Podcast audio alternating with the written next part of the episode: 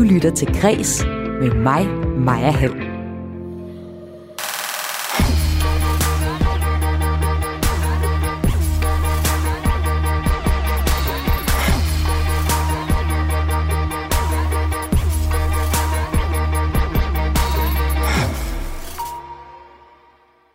Det har en kæmpe betydning, at Begitte Nyborg og kollegaerne i fjerde sæson af Borgen har rettet det politiske blik stift mod Grønland, mener forfatter Naja Lønge. De har fundet olie i Grønland. Er det noget, vi er glade for? Nej, det kan blive et kæmpe problem. Naja Lønge har selv grønlandske rødder og kommer i studiet senere her i dit daglige kulturprogram Græs for at forklare, hvilken betydning det har for grønlanderne, at omdrejningspunktet i DR's dramaserie er Grønland.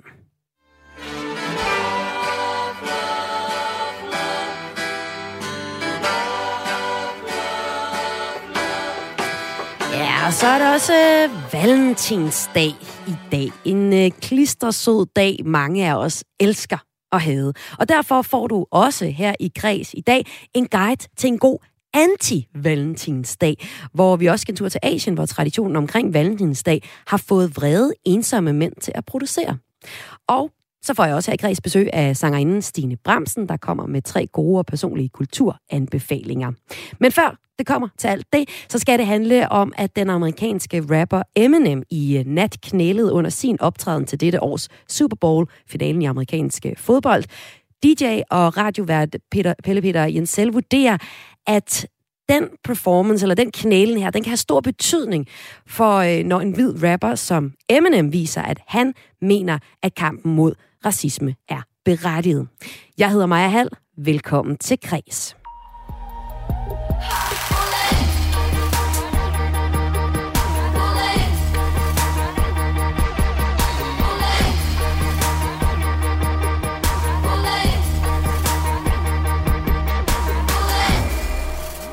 Ja, under halftime-showet i nattens Super Bowl-finale, der knælede rapperen Eminem, og det gjorde han i symbolsk gestus mod racisme. Super Bowl, det er den årlige afslutning på øh, den professionelle amerikanske fodboldliga NFL, hvor musikere ofte optræder med nogle sindssygt gigantiske shows i reklamepausen. Og i reklamepausen i år, der øh, var blandt andet Eminem med til at optræde, og han øh, sluttede sin optræden af, af del af showet af med at knæle og sådan bukke hovedet med hånden over ansigtet. Gestusen, øh, den var lige med den, man første gang så den amerikanske fodboldspiller Colin Kaepernick udvise i 2016, hvor han knælede i protest mod raceulighed i øh, USA. For M&M, der er der tale om en, en større kamp imod racisme end blot forholdene i en uh, sportsliga. Det vurderer DJ og radiovært på DR, Pelle Peter Jensel, der pointerer, at vi også tidligere har set andre end sorte knæle mod racisme en bevægelse, der ligger i forlængelse af Black Lives Matter. Når Eminem gør det, så er det selvfølgelig, fordi han er fuldstændig enig i, at den her kamp den er berettiget. Man kan sige, at Eminem er jo, og har i hvert fald i starten af sin karriere, været betragtet som en hvid turist i en sort verden øh, men kan man vel godt sige nu også i den grad er blevet accepteret. Og når han gør det, så har det selvfølgelig en, øhm, en, en, en anden type indflydelse, fordi han, er, han også har et kæmpe hvidt publikum, som måske i mindre grad har, har, har været forstående over for denne her kamp. Hvorfor skulle deres fodboldkampe nu politiseres? Øh, men når en fyr som Eminem gør det, som jo virkelig har mange fans af, af vidderligt alle demografiske ophav, øh, så kan det være, at det rykker noget. Øh, og om ikke andet, så er det i hvert fald med til at, øh, at understrege hiphoppen som, øh, som vores tids øh, vigtigste musik lige nu, både politisk og, og sådan rent populært. Hvordan har reaktionerne været? Reaktionerne har været fuldstændig, som man kunne øh, regne øh, med, at øh, racister synes, at det er latterligt, og folk, der synes, at det her det er en vigtig kamp, de, øh, de kunne godt lige klare, at en mand øh, sad på knæ i 20 sekunder. Øh, det gør ikke ondt i deres øjne. Øhm, og, og, og sådan er det jo. Vi taler over med et USA, som ikke for så længe siden havde Donald Trump som præsident, som brugte øh, denne her knælen og, og, og det her oprør i, øh, i sporten øh, til øh, ligesom at, at gøre det til en kamp, ikke bare imod øh, racisme, men lige pludselig så var det en kamp imod det amerikanske militær, og, og hvis der er noget, der har en høj stjerne i USA, så er det militæret. Øh, så derfor så er det her også blevet, blevet større end, end blot lige en, øh, en kamp for, hvordan amerikanske fodboldspillere de, de behandles til. Det er, det er ligesom noget, der skiller USA ad, og derfor har reaktionerne selvfølgelig også været Øh, for nogens vedkommende positiv, og for andres negativ. Det var sådan, at øh, mediet POC de, øh, skrev søndag, at NFL skulle have bedt Eminem om ikke at knæle under sin optræden. Tror du, det kan have konsekvenser for Eminem det her? Nej, jeg, jeg, jeg kan ikke forestille mig, at det har nogen som helst konsekvenser for Eminem det her. I hvert fald ikke negativt. Altså, jeg tror, at, øh, at alle, der skal producere et stort amerikansk øh, show, de skal på en eller anden måde fraskrive sig al, øh, alt ansvar i diverse kontrakter, således at de mennesker, der poster millioner af dollars for at øh, udnytte øh, deres bandereklamer osv. kommercielt, i hvert fald ikke støtter et politisk event. Øh, det er jo sådan nogle ting, som som ved alle store begivenheder øh, står indskrevet i forskellige kontrakter. Det betyder også, at hvis du skal optræde til noget, så må du ikke sige det her, eller du må ikke bande, eller du må ikke, som MIA gjorde for et par år siden, simpelthen række fuck til skærmen. Øh, og, og selvfølgelig har, har de så også bedt Eminem og, og alle de andre om, øh, please, lad, lad lige være med at bruge det her til et politisk statement. Men så har de simpelthen inviteret de forkerte artister. Eminems karriere har jo nok toppet en gang, øh, tror jeg de fleste vil være enige om. Tror du, det kan være med til at, sådan at revitalisere ham igen, det her? Eminem er en af verdens absolut største artister, også i dag. Der er meget få mennesker og artister i verden, som når de udgiver noget ny musik, der har flere lyttere, end Eminem har. Så selvom hans måske kreative peak ligger bag ham, så er hans kommercielle det, det, det, det, det vi oplever lige nu. Øh, det er derfor, at han for få år tilbage kan træde op som det ultimative hovednavn på både Coachella, men også på Roskilde Festival. Eminem er en, en levende legende, og han er, han er stadig ung øh, i hvert fald i, i, i legende-gamet. Så, så jeg tror ikke, at det her det er hverken et forsøg på, eller kommer til at fungere som en, en slags øh, rebound for ham, øh, eller en trampolin tilbage i populærsfæren. Jeg tror, øh, jeg tror omvendt, at fordi han er så stor, så vækker det her genklang. Men havde det været en eller anden opkommende kunstner, så tror jeg sgu, de fleste havde været temmelig ligeglade lød det her fra DJ og radiovært på DR, Pelle Peter Jensel, til min kollega Emil Mortensen. Og øh, det gjorde han i anledning af, at Eminem i nat afsluttede sit show til Super Bowls halftime show med at knæle mod racisme. Udover Eminem, så var der stjerner som Snoop, Snoop Dogg, Dr. Dre, 50 Cent, Kendrick Lamar og Mary J. Blige. De var også en del af Super Bowls pauseshow i nat. Om lidt her i dit daglige kulturprogram her på Radio 4, der skal det handle om, at DR's dramaserie Borgen, hvor vi tog første afsnit af fjerde sæson i går aftes, den handler om Grønland, og hvilken betydning det har for grønlænderne, at den gør det. Men først, så får du en guide til en anti-valentins dag. Du lytter til Kres med mig, Maja Hall. To lys på et bord Tre forløsende år Fire glas fyldt med ungdommens mod Fem slags smil til dessert Seks små kys, tre til hver Blev betalt med vort hjerte blod Så blev det den 14. februar, og dermed også Valentinsdag. Det er den årlige kærlighedsdag, som nogen fejrer, men ikke alle. Ikke mig selv, og heller ikke min næste gæst. Det er kulturjournalist ved Information, Lise Berntin Præstgaard. Velkommen til. Tak skal du have. Lise, du har også været på DR's program Julen er smerternes fest, der handler blandt andet om dit eget ret anstrengte forhold til julen. Og samme anstrengte forhold har du så også til Valentinsdag. Valentinsdag er jo ellers en kærlighedsdag. Hvorfor er du ikke så glad for den, Lise Præstgaard? Altså, jeg synes, det er den mest uromantiske dag på hele året. og jeg tror, det er lidt ligesom med julen, at der er de der høje forventninger, som man ikke kan indfri. Og hvis det bliver forventet, at man er romantisk i dag, så bliver det bare meget uromantisk, synes jeg. Så man kommer simpelthen til at proppe romantikken ned i halsen på folk ved at, at navngive dagen som ja. en kærlighedens dag. Altså øh, røde roser og chokolade, eller hvad klichéen ellers er, er det meget mere øh, spændende end øh, kedelig tirsdag i november øh, mere romantisk, synes jeg, end lige netop i dag, hvor alle gør det. Ja, okay. Men der er jo altså nogen, der fejrer det. Øh, ikke alle i hele Danmark. En undersøgelse fra 2020 lavet af Coop øh, analyse, Coop analyse, det viser, at 14 procent af danskerne, de markerer valentinsdag den 14. februar. Og så er der så de resterende procenter, der ikke markerer den, eller måske ligefrem hader den, fordi for mig så er det lidt sådan en dag, jeg godt kan lide at have, for jeg synes den også, den virker så øh, åndssvag. Og øh, derfor har jeg jo så inviteret dig ind til at komme med tre bud på kulturoplevelser, der giver øh, valentinskærligheden en fuckfinger. Det er altså kultur til alle os, som egentlig bare gerne vil igennem dagen, uden at blive overdrysset af rød konfetti og fyldte chokolader med sådan noget øh, jordbærsmag og roser i nuancer af lyserød. Øhm, din guide, den består af tre forskellige stykker kultur. Første anbefaling. Der skal vi en tur i biografen og se den aktuelle film Spencer, der handler om det ulykkelige ægteskab mellem engelske prinsesse Diana og prins Charles. Filmen den forløber hen over julen 91, hvor Diana nærmest jeg sige, holder som en fange på det gods, hvor øh, den kongelige familie holder ferie. They're getting quite serious about you. So stand very still and smile a lot. They know everything. They don't. Mummy, what's happened to make you so sad? Mor, hvad er det, der har gjort dig så ked af det? Og Ja. svaret er nok prins Charles og familien. Ja, altså det er jo historien om øh, en, der møder prinsen på en hvide hest, mm. og så bliver det ellers bare tragedie øh, derfra. Jeg ved ikke med dig, men jeg har virkelig ikke lyst til at, at blive forelsket, som Diana gjorde. Altså, de mødte hinanden 13 gange, inden de blev gift, og øh, hun var 16, han var 29, da de mødte hinanden.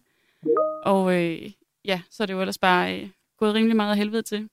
Det må man sige, jeg skal lige beklage, der kommer lidt øh, larm ind over øh, skærmen her. Der er lige, øh, det er de næste gæster, som der venter i kulissen på, øh, på online, hvor de er med. Men altså, det er din første, øh, din første anbefaling er altså den her Spencer-film, som en god anti-Valentins-film. Ja, der er i hvert fald... Øh, altså, jeg, jeg mener jo, at øh, forelskelsen er dybt overvurderet, og det er den også i min øh, næste anbefaling, som man måske umiddelbart skulle tro var romantisk, nemlig Romeo og Julie, som går på Aarhus Teater. Mm. Øhm, men også i aften øh, i Helionhuset i København, hvor man mødes med Dramafonden. Og øh, så er der fire dramatikere, der har lavet sådan små versioner. Øhm, blandt andet Amalie Olesen, der har lavet en øh, ny giftig slutning på øh, Romeo og Julie. Okay, ja, fordi jeg skal ind og se Aarhus' udgave af Romeo og Julie, som er en ret tragisk historie, må man sige. I sig selv, så er det ikke ligesom lykkelig kærlighed. Det er en rimelig, en rimelig giftig slutning. Men hvad siger Ja. du, der, der, der, der sker i uh, Helligånds, Helligåndshuset i København? Der er det også tragedien, der bliver dyrket, eller hvad? Ja, altså lige det med Romeo og Julie, man tænker sådan, åh, det er to, der ikke kan få hinanden. Men det er jo to teenager, der mødte hinanden til en fest, og dagen efter bliver de gift. Mhm. Øh, og jeg tror, det handler mere om lidelighed end om kærlighed. Og øh, Julia er en rebound, fordi han, Romeo var forelsket i hendes øh, kusine. Okay. Så det er altså mere Las Vegas, end det er Verona. Og så øh, stalker han hende også ved hendes øh, soveværelse. Og ja, det skulle måske bare... Det er mere en historie om, hvordan sms er en rigtig god opfindelse, så man ikke går galt i byen på samme måde. Det er altså din uh, anden anbefaling her i, uh, man sige, den perfekte anti-Valentins dag. Ja. Med, øh, og den sidste, det handler om porno, kan man sige. Den sidste anbefaling, det er en podcast, der hedder My Dad Wrote a Porno, og den handler ganske enkelt om den britiske podcaster Jamie Morton, hvis far har skrevet en pornohistorie, som øh, han synes er ret plat. Hello, my name is Jamie, and my dad has written a porno. Yeah. It's called Belinda Blinked, and it's hilarious. So I thought the best thing to do was to read it out week by week with my two friends, James Cooper and Alice Levine, in a brand new podcast. Belinda leaned back on the white leather seat and started to gently sweat. Erotic. Oh. Nothing sexier than a sweaty lady. Ja, så Ja. den tredje anbefaling i den her anti-valentines øh, anbefalingsliste, du kommer med, Lise Bintin Præsgaard, det er altså den her podcast, My Dad Wrote a Porn. Hvorfor Ja. er den god? Altså, det behøver ikke helt, det hele være så uh, trist og dramatisk i dag. Man kan også bare uh, få sig et godt grin ved at Mm. høre My Dad Wrote a Porno. Den er på engelsk, men de er meget let forståeligt.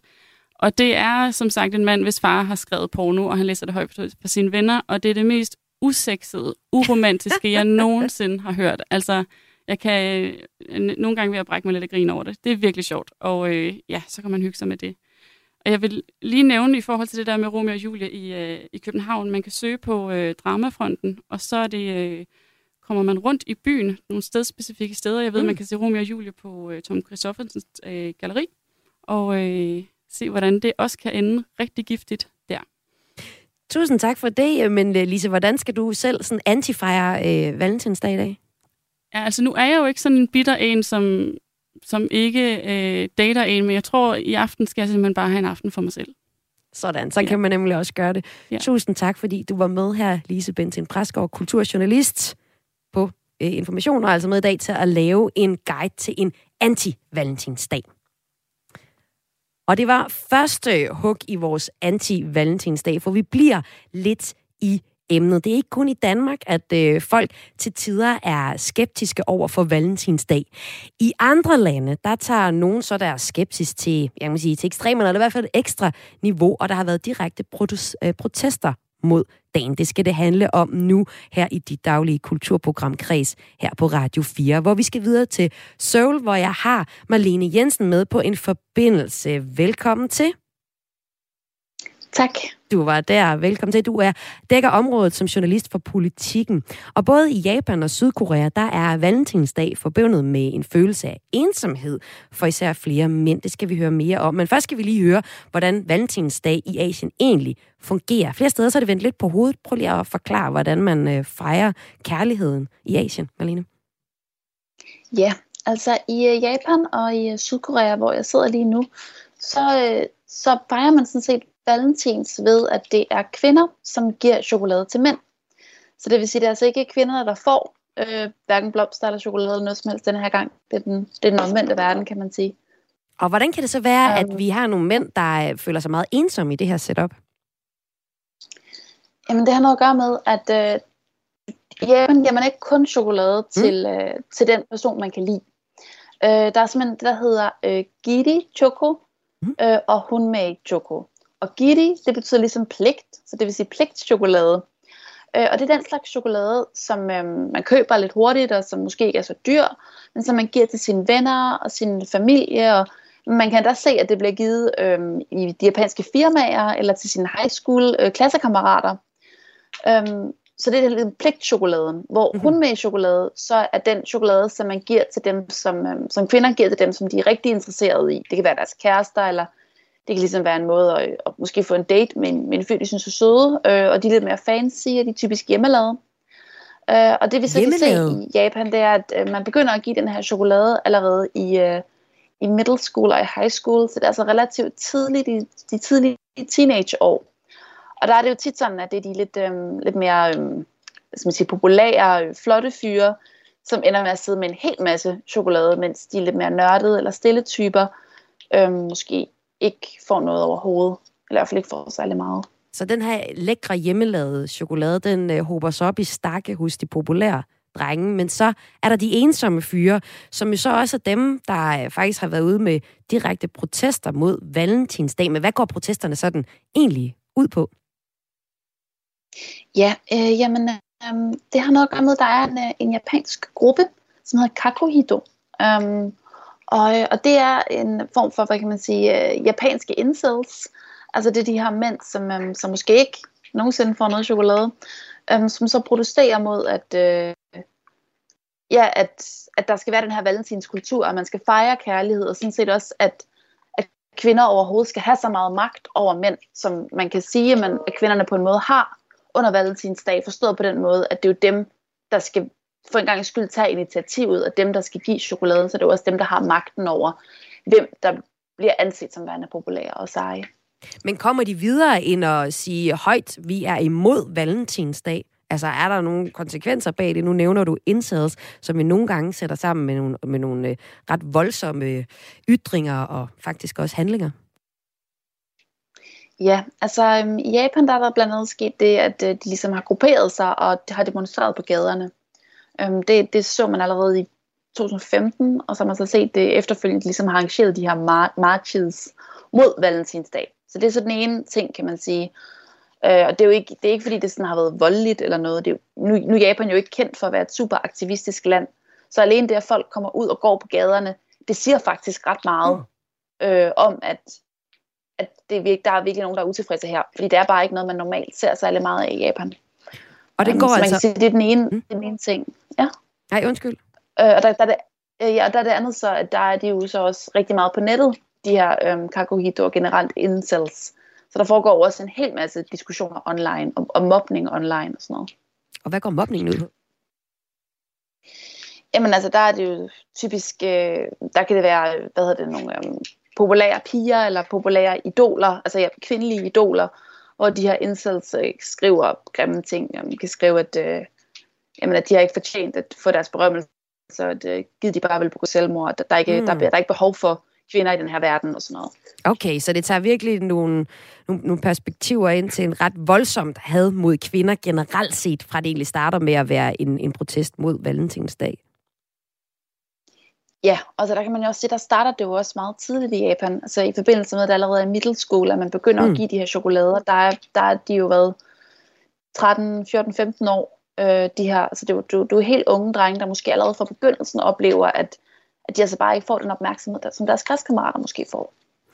Og Marlene Jensen, nu er du, har du base i Seoul, hvor du dækker Asien, og fortæller så her, hvor stor valentinsdag i det hele taget er så stor, at der er nogen, der også øh, protesterer mod valentinsdag. Det overrasker for mig, at valentinsdag er så stor en ting, for det er jo sådan noget, vi klassisk siger. Det er sådan en tradition fra Vesten, fra USA, der kommer, så skal vi bare købe en masse ting. Men det er altså en helt stor ting, hvor selv virksomheder øh, fejrer valentinsdag i, øh, i Asien. Er det, er, der, er det så også en, en diskussion, det her, om folk, der, der kritiserer valentinsdag? Er det også noget, der sådan, når medierne, og noget, man diskuterer øh, bredt set? Um, altså, det er helt bestemt noget, som har været i medierne. Um, men lige for tiden har corona jo taget lidt over. Det er jo stadig meget, altså meget stærkt øh, her i, altså både i Seoul, hvor jeg bor, øh, men også i Japan, hvor det, altså, folk holder sig meget indendøre, så valentins, der har været lidt et låg på i år, vil jeg sige. Øh, men, men det er stadig sådan, at man kan se chokolader ude i alle, øh, alle convenience stores, like ude foran 7-Eleven, der har de jo der hvor jeg bor, min lokale 7-Eleven har reklameret med valentinsdag i været to uger nu, eller sådan noget. Og, øh, fuld af chokolade, og øh, sådan nogle små kort, man kan købe, og det ene og det andet. Um, men der er blevet lagt en, en, en nedtugning på det på grund af corona.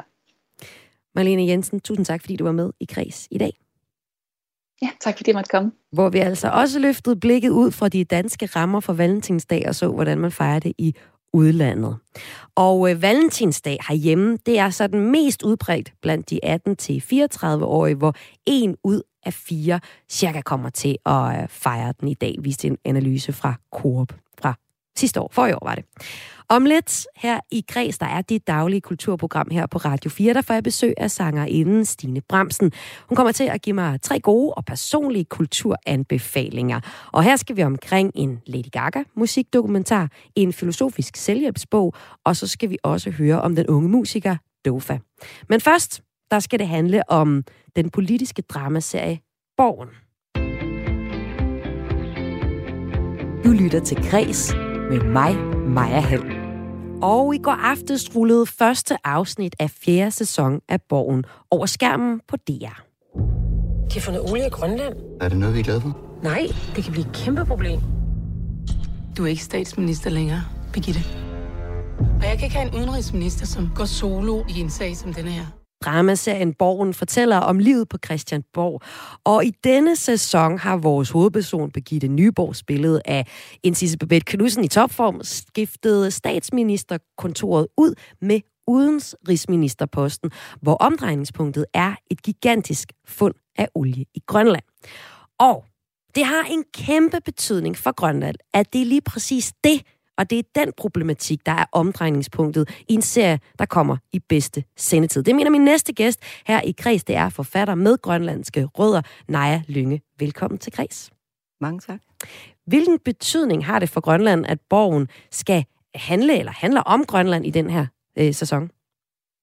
Jamen, det har jo en kæmpe betydning. Nu så jeg så premieren i går, og jeg må sige, at øh, jeg er meget begejstret det, det er meget, meget velskrevet, meget veldrejet, og nogle fantastiske dygtige skuespillere, og også imponeret over sådan en som Svend Hardenberg, som har sin debut, og man skulle næsten tro, at han ikke havde bedrevet andet i hele sit liv, så, så professionelt synes jeg, det er.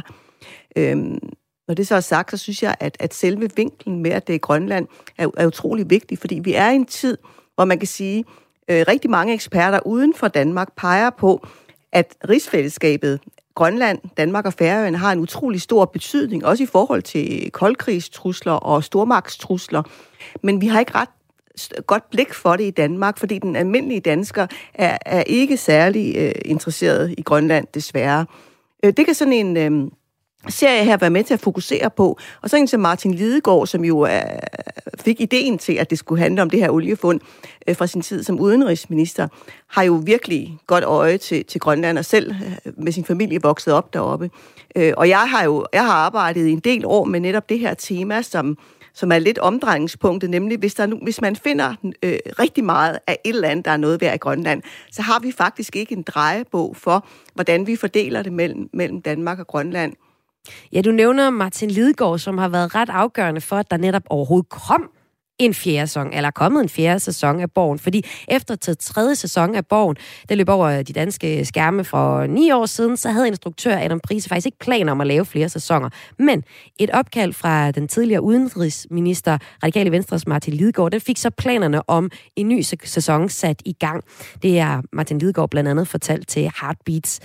Øh, da Martin Lidgaard i øh, 2014 og 15 var udenrigsminister, der oplevede han nemlig det, du fortæller her, Naja Lynge, at øh, Arktis og Grønland er, altså blev både blevet kastebold i et stort politisk spil, og der også var den her stigende interesse for USA, Grønland, eller USA og Rusland og Kina i det arktiske område, og det slog ham, hvor uforberedt både Danmark og Grønland var på den situation. Og det er jo så altså det, der er blevet udgangspunktet for fjerde sæson af Borgen, som havde premiere i første afsnit af i går hvor øh, det simpelthen handler om, at det er et stort fund af olie i Grønland, den sætter gang i de politiske spændinger. I serien, der repræsenterer Birgitte Nyborg den grønne linje, der ikke ønsker, at der skal udvindes fossile brændsler overhovedet, mens vi så ser, at Grønland selv fejrer fundet, i hvert fald i, i første afsnit. Nej, Lønge, du har et indgående kendskab også til det politiske linje på Grønland. Er Grønland generelt mere positiv over for fossiler, sådan som vi får det fremstillet i, øh, i borgen? Altså, jeg tror, det, det er meget, meget mere indviklet som så. Jeg tror også, jo mere vi kommer ind i serien, så vil vi opdage, at det handler om noget helt andet, nemlig om, om altså selvfølgelig handler det om klima, men det handler også om netop det der med, at, at vi har egentlig en unik konstruktion rigsfællesskabet, og inden for det, der har vi en selvstyrelov, som egentlig bare ligger og samler støv i skuffen, hvilket aldrig har været meningen. Og når der så opstår sådan en situation her, som når man fælder olie i Grønland, jamen så er det jo sådan, at det udenrigspolitiske område stadig hører under København, og hermed der opstår der nogle, der kan der opstå nogle lidt besynderlige ting. Øhm, det er noget, som, som, som jeg har arbejdet med en del år, øh, men også i, i min bog, som udkommer i næste måned, Toppen af Isbjerget, der handler det ikke om, at man finder olie, men uran. Og der har jeg nemlig været inde på nogle af de samme problematikker, men, men, men den yderligere finde og det kunne jeg godt forestille mig, at man også kommer ind på i den her serie, nemlig at det, der let kan ske, fordi vi har så lidt kendskab øh, til Grønland i Danmark, det er, at stormagterne kan, kan udnytte den der uvidenhed og gå ind og skabe, hvad skal man sige, altså splindre sig ind i rigsfællesskabet og komme ind i Grønland og få nogle interesser, der kan gøre sig gældende, selvom det kan være på bekostning af klimaet og måske på bekostning af grønlænderne selv. For det er jo klart, at, at, at Grønland øh, har jo selvfølgelig en interesse i at, at, at, at få nogle muligheder. Det, det siger jo sig selv. Og nu øh, skal vi så også høre også med til historien. Det er Martin Lidgaard, som har været med til at inspirere til lige præcis den her historie om et stort oliefund, som er så omdrejningspunktet i øh, fjerde sæson af Borgen. Han siger så også til Heartbeat, sandsynligheden for at finde olie i det omfang, som sker i Borgen, er meget lille. Men du nævner jo så også her, Naja Lyng, at der kan være andre ting, som for eksempel det, der er omdrejningspunktet i din kommende roman, øh, som, øh, som lige pludselig stiller det der forhold mellem Danmark og Grønland på en ny politisk, øh, sætter os i en ny politisk situation. Øhm, hvilken betydning vil det få i virkeligheden, hvis der rent faktisk kom noget, øh, lad os sige uran, som du selv nævner her, vil du vurdere for Danmark og, og Grønlands samarbejde? Så det, jeg håber, det er, at hvis sådan noget sker, at, at vi så har fået lidt bedre tid til at forberede os, også i Grønland, så det ikke ligesom kommer bag på os. Det er det, vi er faktisk slet ikke forberedt lige nu. Det kan være, at spogen kan hjælpe på det, faktisk. Ja, men det er, det er slet ikke nogen tvivl om, og den har jo også virkelig, altså den i bedste sendetid, den har fået rigtig gode anmeldelser, og jeg synes virkelig, virkelig, det var godt. Jeg synes, man, man slipper også meget godt udenom allerede i første afsnit, de her stereotyper. Altså, de her skuespillere er virkelig... Altså, jeg, jeg, jo, jeg synes, jeg er meget fornøjet med det, men, men det, der, der virkelig kan ske, det er jo, at hvis der sker et eller andet indenom, før vi er klar til det, så kan det få meget store konsekvenser, og det kan udløse i værste fald en krig, fordi så store interesser har stormagterne på spil. Det har blandt andet kineserne og russerne og amerikanerne. Øh, og og med, med uran, som er det, som, som bliver det fund, der, der sker i min, øh, der, øh, der er det jo også det, at der har vi også set i Grønland, hvordan som, altså som en følge af det her med, at vi ikke rigtig har, har fået det på plads, hvad der skal ske, hvis vi finder noget, så har vi jo set det i forbindelse med uranen, hvor man egentlig havde, da Grønland fik retten til udnyttelse af undergrunden, der var det jo stadigvæk sådan, at de udenrigspolitiske, hvis man for eksempel skal eksportere uran, så er det Danmark, der står for det, også af sikkerhedspolitiske årsager. Det fik man så ophævet i 2013. Øhm, det var Siumut Valga Hamon, der dengang kom til magten, der fik ophævet nul-tolerancen over for udvinding af uran. Mm. Den er jo lige blevet genindført igen, og sådan kan det jo gå frem og tilbage. Og derfor er, kan man sige, vi, vi er med, med, med, med med det papir, vi har i hånden i vores, vores fælles konstruktion, der er vi ringe stillet øh, og slet ikke parat øh, til at, at tage imod. Men, men, men bortset fra det, så er der jo heller ikke, jeg tror, Martin har ret i, at der er ikke nogen, øh, noget i stjerner, sol og måne, der tyder på, at, at sådan noget vil, vil, vil forekomme forløbig. Ja, så kan man sige, at den fjerde sæson af bogen handler om en, en ret ekstrem situation, hvor man virkelig sætter Grønland og Danmarks øh, position på spidsen. Men hvad håber du, altså du siger, du er, du er glad for, at øh, Grønland ligesom kommer på dagsordenen i bedste sendetid. Hvad håber du betyder, det kommer, det, at, at, at det handler om Grønland, hvad håber du, det kommer til at betyde for den, den, den gængse dan, danskere og grønlænder? At det er sådan? Jamen, jeg tror godt, det kan være med til at betyde, at vi får altså meget mere øh, blik for, hvor vigtigt, altså fordi alle andre steder end i Danmark, der er Arktis jo noget af det vigtigste i verden overhovedet. Øh, og der håber jeg da, at, at danskerne måske kan begynde at interessere sig endnu mere for. Fordi det, der også kunne være, være interessant, og det kan være, at de kommer ind på det, det er jo, at hvis de nu finder olie i et område, så det næste, det er jo så, at det så i et område, hvor vi har overlappende interesser med russerne og kanadierne, hvor vi jo lige i øjeblikket har overlappende krav inde ved FN om havbundsretten. Og nu taler du så om virkeligheden, for det er jo det, der er med borgen nogle gange. Det er, det er virkeligheden. Man, kan, man kommer nogle gange til at blande virkeligheden sammen med, hvad der egentlig ja. Ja, sker i Og det er jo meget, meget interessant, fordi det er klart, at der er jo virkelig altså, fyret i kakkeloven, hvis det sker. Mm. Fordi der, der vil russerne stå på deres, og, og, og der, der kan man sige, der, der kan komme mange interessante twister. Så jeg synes, jeg tror på, at, at, at, at, det, at, at det er så professionelt lavet med borgen, og, og så meget med udgangspunkt i virkeligheden. Det er jo også øh, en stor del af, af skuespillere i Grønland er, er jo, hvad skal man sige, ægte mennesker. Det er skuespillere jo også, men det er jo ikke nogen, der har skuespil som erhverv. Mm. Øh, og alligevel gør de det jo smadret godt. Øh, men, men det, er bare, det, det, det virker meget autentisk og, og meget rigtigt, uden at være stereotyp på nogen måder.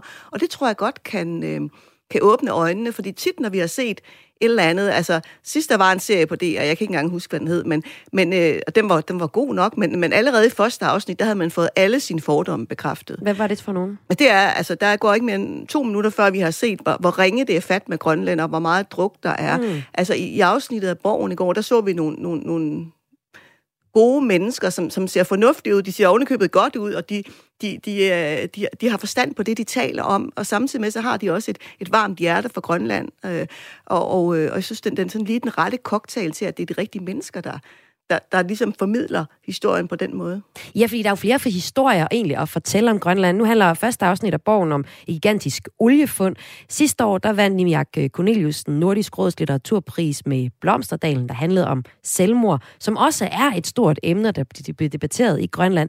Hvilke emner eller debatter håber du på, at bogen måske så lidt sideløbende med det her oliefund kommer til at tage op sådan i de næste syv afsnit? Er det lige så meget bare at få skildret grønlænder uden at det er sådan en stereotyp øh, grønlænder, der er drikfældige, eller ja, med selvmord. Som, øh... Jeg tror ikke på, at vi måske kommer ind på det i det her afsnit af Borgen, fordi så langt er vi slet ikke i at skærpe interessen for deres side endnu.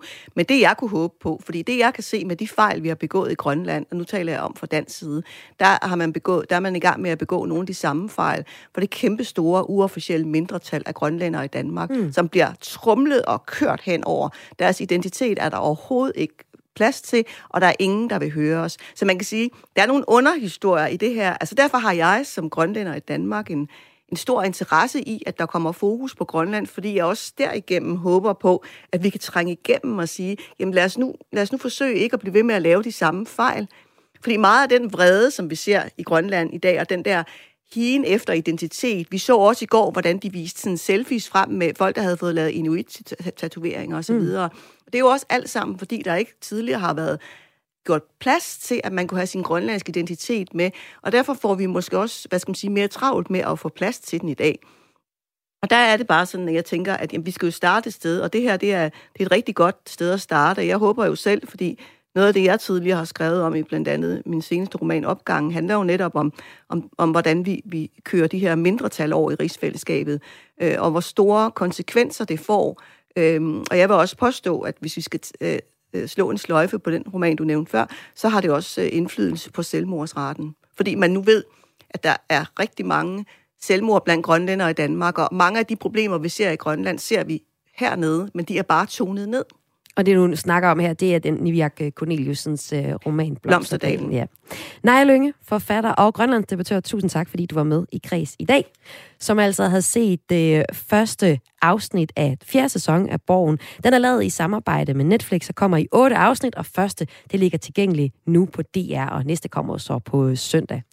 Borgen er i tidens løb blevet belønnet med priser som Robotprisen og den britiske BAFTA-pris også, og serien er solgt til mere end 70 lande. Og det er altså Sisse Babette Knudsen og Begitte Hjort Sørensen, der vender tilbage i hovedrollerne som Begitte Nyborg og Katrine Fønsmark, mens Pilo Asbæk Kasper Jul til Sydlandet er gået på pension i denne omgang. Du lytter til Græs med mig, Maja Hall. Og det sidste, vi skal her i dit daglige kulturprogram på Radio 4, det er at få nogle gode og personlige kulturanbefalinger. I dag tager jeg nemlig, i dag tager jeg nemlig kulturbrugerens briller på, og det gør jeg i selskab med dig, Stine Bremsen, sanger og musiker. Velkommen til Kris. Mange tak. Du er kendt først som sangerinde i bandet Alphabet, og siden som solist. Her lyder du blandt andet sådan her.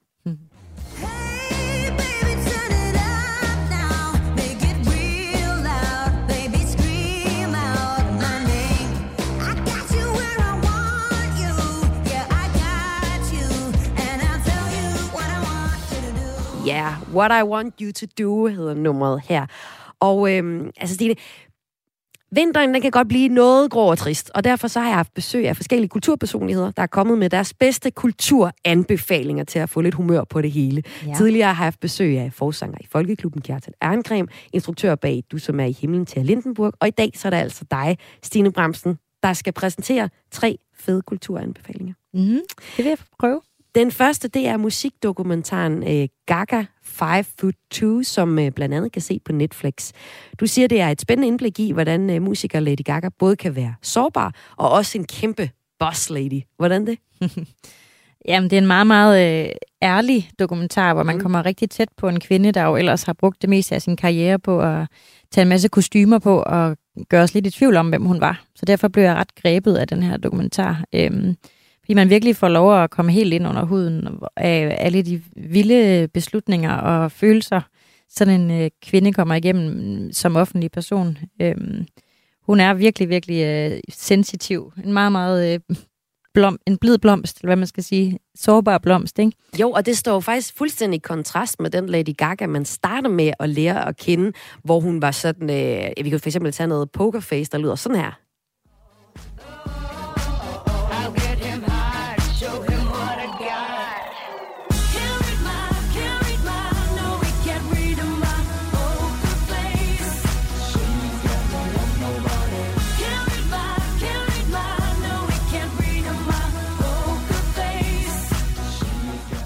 Altså, Pokerface fra 2008 mm. øh, står jo fuldstændig i kontrast med den øh, Lady Gaga, man nyder i, i dokumentaren, hvor hun netop er super sårbar. Vi kan få et klip fra den her. Ja. Paranoia, fear, body pain, anxiety. I go from everyone touching me all day and talking at me all day to total silence. And all these people will leave, and then I'll be alone. I didn't feel good enough, and I do now. That's the good part.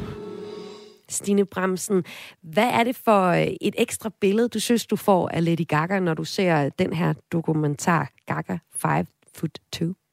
Jamen, man får virkelig lov til at møde, møde mennesket bag den her kæmpe popstjerne, som er ligesom alle os andre. Hun har dage, hvor øh, det hele føles fuldstændig uoverskueligt, og hormonerne sikkert pumper rundt i kroppen. Øh, og øh, så får vi ligesom også at se, hvordan hun rejser sig fra det, og får lavet sit første album, hvor hun virkelig bare er sig selv, og ligesom på en eller anden måde bliver en kvinde, i stedet for en, en pige, en teenager. Det kan jeg virkelig uh, spejle mig selv i. Og så øh, får vi jo også, ja, vi kommer jo tæt på, hvordan hendes, hendes rejse, har man lyst til at sige, ikke? Mm. Og alt det bagom, alle de kostymer, som hun er blevet kendt for. Altså, øh, siden Pokerface, der har hun musikalt bevæget sig sådan i mange forskellige øh, retninger, og gjort det altid med sådan nogle sindssyge kostymer. Ja. For eksempel i 2010, der bar hun en kjole af råt kød til en prisuddeling. ja. Den er også blevet købt af et museum og blevet udstillet, altså konserveret, ikke? så den står, øh, hvor man kan se den. Ja. Og så øh, har hun også jamen, øh, fortalt sin historie om, for eksempel, hvordan hun levede, lider af posttraumatisk stress, PTSD, fordi hun som 19-årig blev voldtaget af en 20-årig ældre mand. Mm. Øh, en voldtægt, hun har holdt hemmelig i syv år. Senest så har vi set uh, Lady Gaga i hovedrollen på uh, filmen House of Gucci. Og man kan selvfølgelig heller ikke lige helt nævne Gaga og film, uden at nævne hendes øh, uh, publikums hitter af Star is Born, hvor uh, soundtracket her også har vundet flere priser.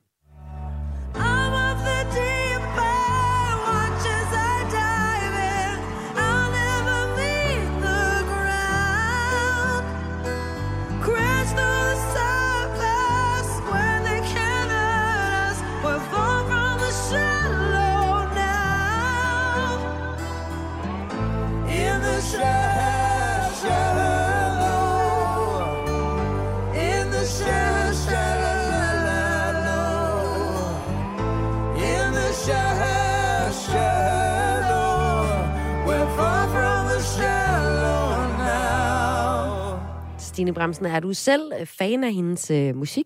Hun kan jo forskellige ting. Ja, det må man sige, hun kan. Øh, så det er blevet, vil jeg sige. Jeg synes, det er ret imponerende, hvor, hvor alt det, hun fagner at være, og det er meget inspirerende for mig, at man både kan få lov at røre lidt noget skuespil og øh, brede sig ud på forskellige genrer. Øhm, så det vil jeg bruge som inspiration resten af min karriere, tænker jeg. Og måske også der med, at du nu også har den personlige side af Gaga. Det betyder i hvert fald meget mm. for mig, fordi til at starte med, så var Pokerface overhovedet ikke inter- interessant for mig, men jeg synes, hun blev meget mere interessant, da jeg fandt ud af, hvor mange lag der egentlig er i, øh, i hende. Ja, fuldstændig. Og vi havde jo også fornøjelsen som alfabet at, at varme op for hende et par gange, og det Mhm. var vildt at se, hvor, altså, hvor perfektionistisk hun er, hvor mange kræfter hun bruger på at lave de der shows, og hvor vigtigt det er for hende. Det er ikke bare øh, arbejde, vel? Det er virkelig hud og blod, eller kød og blod, eller hvad man Mhm. siger, ikke? Hvordan så I det?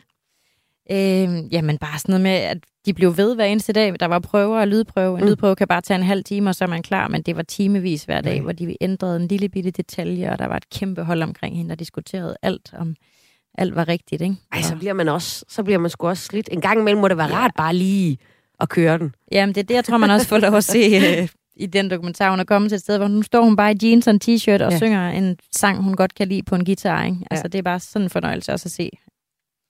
Og den her dokumentar om Lady Gaga, der man kan finde på Netflix, det var den første kulturanbefaling, som du kom med, Stine Ja. ja. Bremsen. Den næste, det er en bog. Det er Nils Overgaards Det hele handler ikke om dig. Det man kan sige, det er en slags meget øh, klog i selvhjælpsbog, ikke? Den Jo. bygger på øh, et mere filosofisk grundlag og har under øh, titlen Antikkens principper for et liv med sindsro, frihed og mening. Ja. Hvorfor anbefaler du folk at læse den bog? Jamen, for det første, fordi den bare har været en kæmpe hjælp for mig. Og Mm. jeg har lige så langsomt øh, givet den videre til alle mulige venner i branchen, der også havde brug for den. Øhm, og det, jeg tror, at vi har haft stået virkelig sådan en afmagtssituation, øh, da corona ramte, og Mm. alt, hvad man havde i kalenderen, det bare blev slettet på ubevidst, på ubevidst tid. Ikke? Øhm, så det var for mig øh, en bog, der kan hjælpe rigtig mange forskellige slags mennesker til at øh, fokusere på det, der er vigtigt at fokusere på. Øh, og jeg er altså ikke sådan normalt ind og hjæl- læser selvhjælpsbøger, Mhm. har jeg lyst til at sige. Men der er et eller andet fantastisk i de her principper, måske netop fordi det er baseret på øh, noget filosofi, ikke? Øhm, noget stoicisme. Og det der med sådan, bare øjenåbneren i, at man ikke skal jagte lykke, men at man skal jagte meningsfuldhed. Det synes jeg er en ret fin læring, som øh, alle kan bruge til noget. Fordi lykke kommer i øh, ganske korte glimt og øjeblikke, og du kan ikke føle dig lykkelig hele tiden. Og hvis du tror det, så ender du med at være ulykkelig. Men du kan lave, øh, du kan forme et meningsfuldt liv for dig selv ved at træffe nogle gode valg og fokusere på, hvad du har kontrol over her i livet, og hvad du ikke har kontrol over. Og øh, give slip på det, du ikke har kontrol over. Ja, uden at sige et ondt ord om Hella Juf, så er det ikke den slags selvhjælpsbog. Det er mere, hvis man måske kender psykologen Svend Brinkmann, ja. over i øh, den her, hvor det netop bygger på den øh, stoiske filosofi. Og stoicismen, den stammer egentlig fra det antikke, den antikke filosofi, men det er ligesom om, den vinder større og større indpas i den vestlige verden, måske også med, mm. med nogen som øh, Nils Overgaard her og, og Svend Brinkmann, som glædeligt taler om den. Ja. Det er sådan en filosofi, der har nogle forskellige dyder. De lyder sådan vis, visdom, fornemmelse for verden, selvbeherskelse, mod til at holde fast i dyderne og til engang at møde døden samt retfærdigheden. Mm. Dybest set så handler det om, som du også lidt er inde på, altså at tage ansvar for sine følelser og også på den måde sin, sin måde at opfatte verden på. Du siger, det er en bog, du har givet videre til mange i branchen. Altså er det specifikt øh, en bog, der er god til pressede musikere, har jeg lyst til at sige, Stine Ramsen. det har den jo i hvert fald været. Altså alle, alle i kulturen, vil jeg sige, også øh, skuespillere, Ja. og alle, der er er vant til at underholde mennesker, det har vi jo ikke haft chancen for at gøre, fordi vi ikke har måttet samle folk. Og det glæder vi os sindssygt meget til at kunne igen. Men det har været den vildeste prøvelse for mig mentalt, siden jeg flyttede hjemmefra, at stå der og ikke vide, hvornår jeg kunne få lov at gøre det igen, som jeg elsker at gøre, og som er blevet min identitet. Øh, jeg er jo en form for afhængig af at komme op og mærke det der nærvær, den inten- intensitet, som scenen kræver af mig. Øhm, og det savnede jeg sindssygt meget, og jeg kom let ned i sådan en lidt offerrolle, hvor det var synd for mig. Mm. Og der var overskriften på den her bog jo en rimelig god øjenåbner. Sådan, det her, det handler ikke om dig, Stine. Er det det, du har taget med fra bogen, faktisk? Nej, det var en provokerende titel, som Okay. var sådan, det der, det gider jeg overhovedet ikke at læse, tænkte jeg først. Ikke? Og så, så øh, var der en, der sagde, det er ikke det. Prøv lige at give den en chance. Øhm, og for mig er det rigtig meget det der med at prøve faktisk helt, helt banalt at skrive ned, hvad er det egentlig, jeg kan styre? Jeg kan styre mine tanker, og det var en kæmpe lektie for mig at lære at styre mine tanker. Øh, og jeg kan lære, eller jeg kan styre, hvad jeg siger og giver til andre, men jeg kan ikke styre, hvordan de modtager det. Og det giver sådan en ret god øh, sindsro, som, som er ret sund at gå ud i verden med for alle, tror jeg. Og det er jo så i hvert fald øh, den anden anbefaling. Ikke nødvendigvis bare sindsro, men bogen Nils Overgaards Det hele handler ikke om dig. Ja. Den sidste anbefaling, den tredje anbefaling, det er den kvindelige musiker Dofa, som du anbefaler. Hun lyder for eksempel sådan her.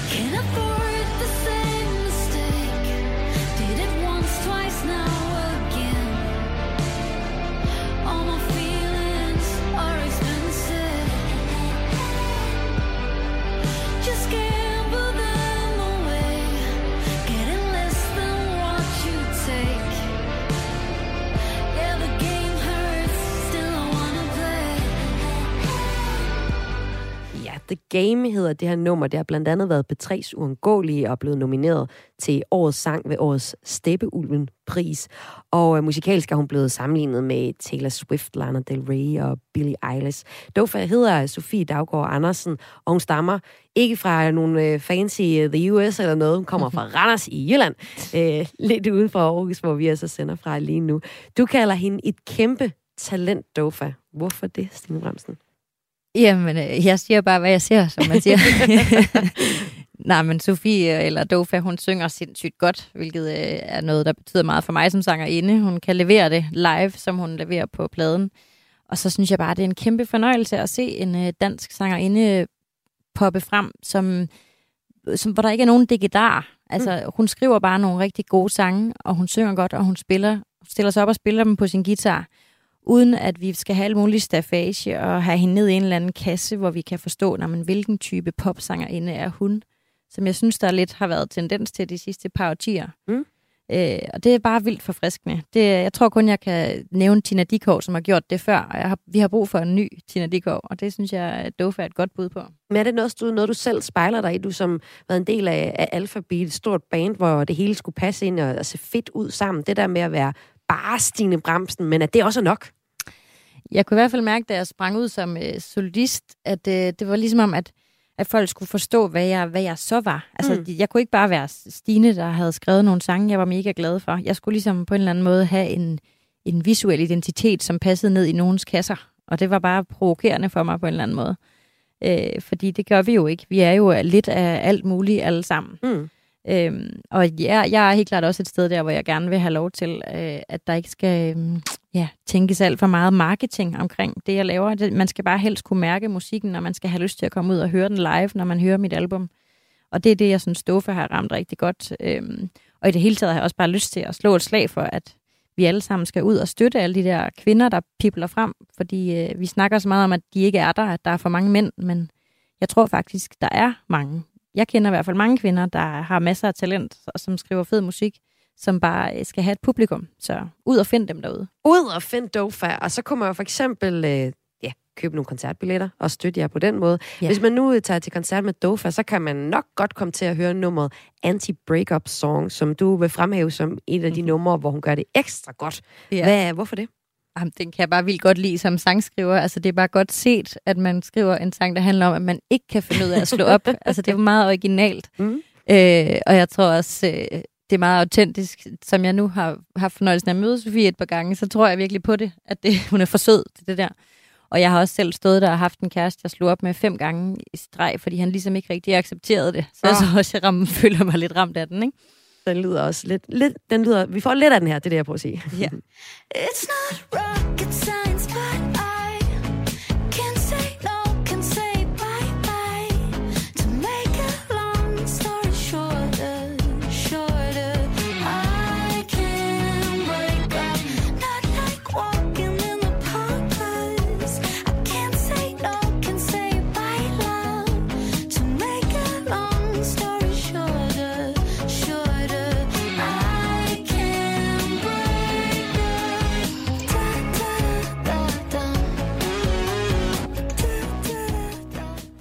så det var altså Dofa, var, der var den tredje anbefaling fra dig, Stine Bramsen, som er kommet med tre. De andre, det er musikdokumentaren Gaga 5 Foot 2, som man kan se på Netflix. Og så er det øh, den kloge selvhjælpsbog, ikke? Skal vi kalde den det? Niels Overgaards Det hele handler ikke om dig. Ja. Tusind tak for de øh, tre anbefalinger. Jamen, det var så lidt. Jeg vil slutte af med at spille noget med dig, Stine Bramsen. Dejligt. Uh, What I Want You To Do er det sidste, jeg spiller her i Kreds i dag. Prøv lige at uh, fortælle os, hvad skal vi lytte efter på på det her nummer? Mm-hmm. Jamen, det er faktisk apropos meget for mig en sang, øh, jeg skrev under de her coronanedlukningerne, hvor jeg var sådan, det sidrede i mig, og jeg Mm. havde brug for et sted at komme ud med adrenalinen, og det, det gør jeg ret meget på den sang. Og den kommer her. Tusind tak, fordi du var med i Kreds, Stine. Det var så lidt. God eftermiddag. Lige måde. Can't you feel the pressure ready to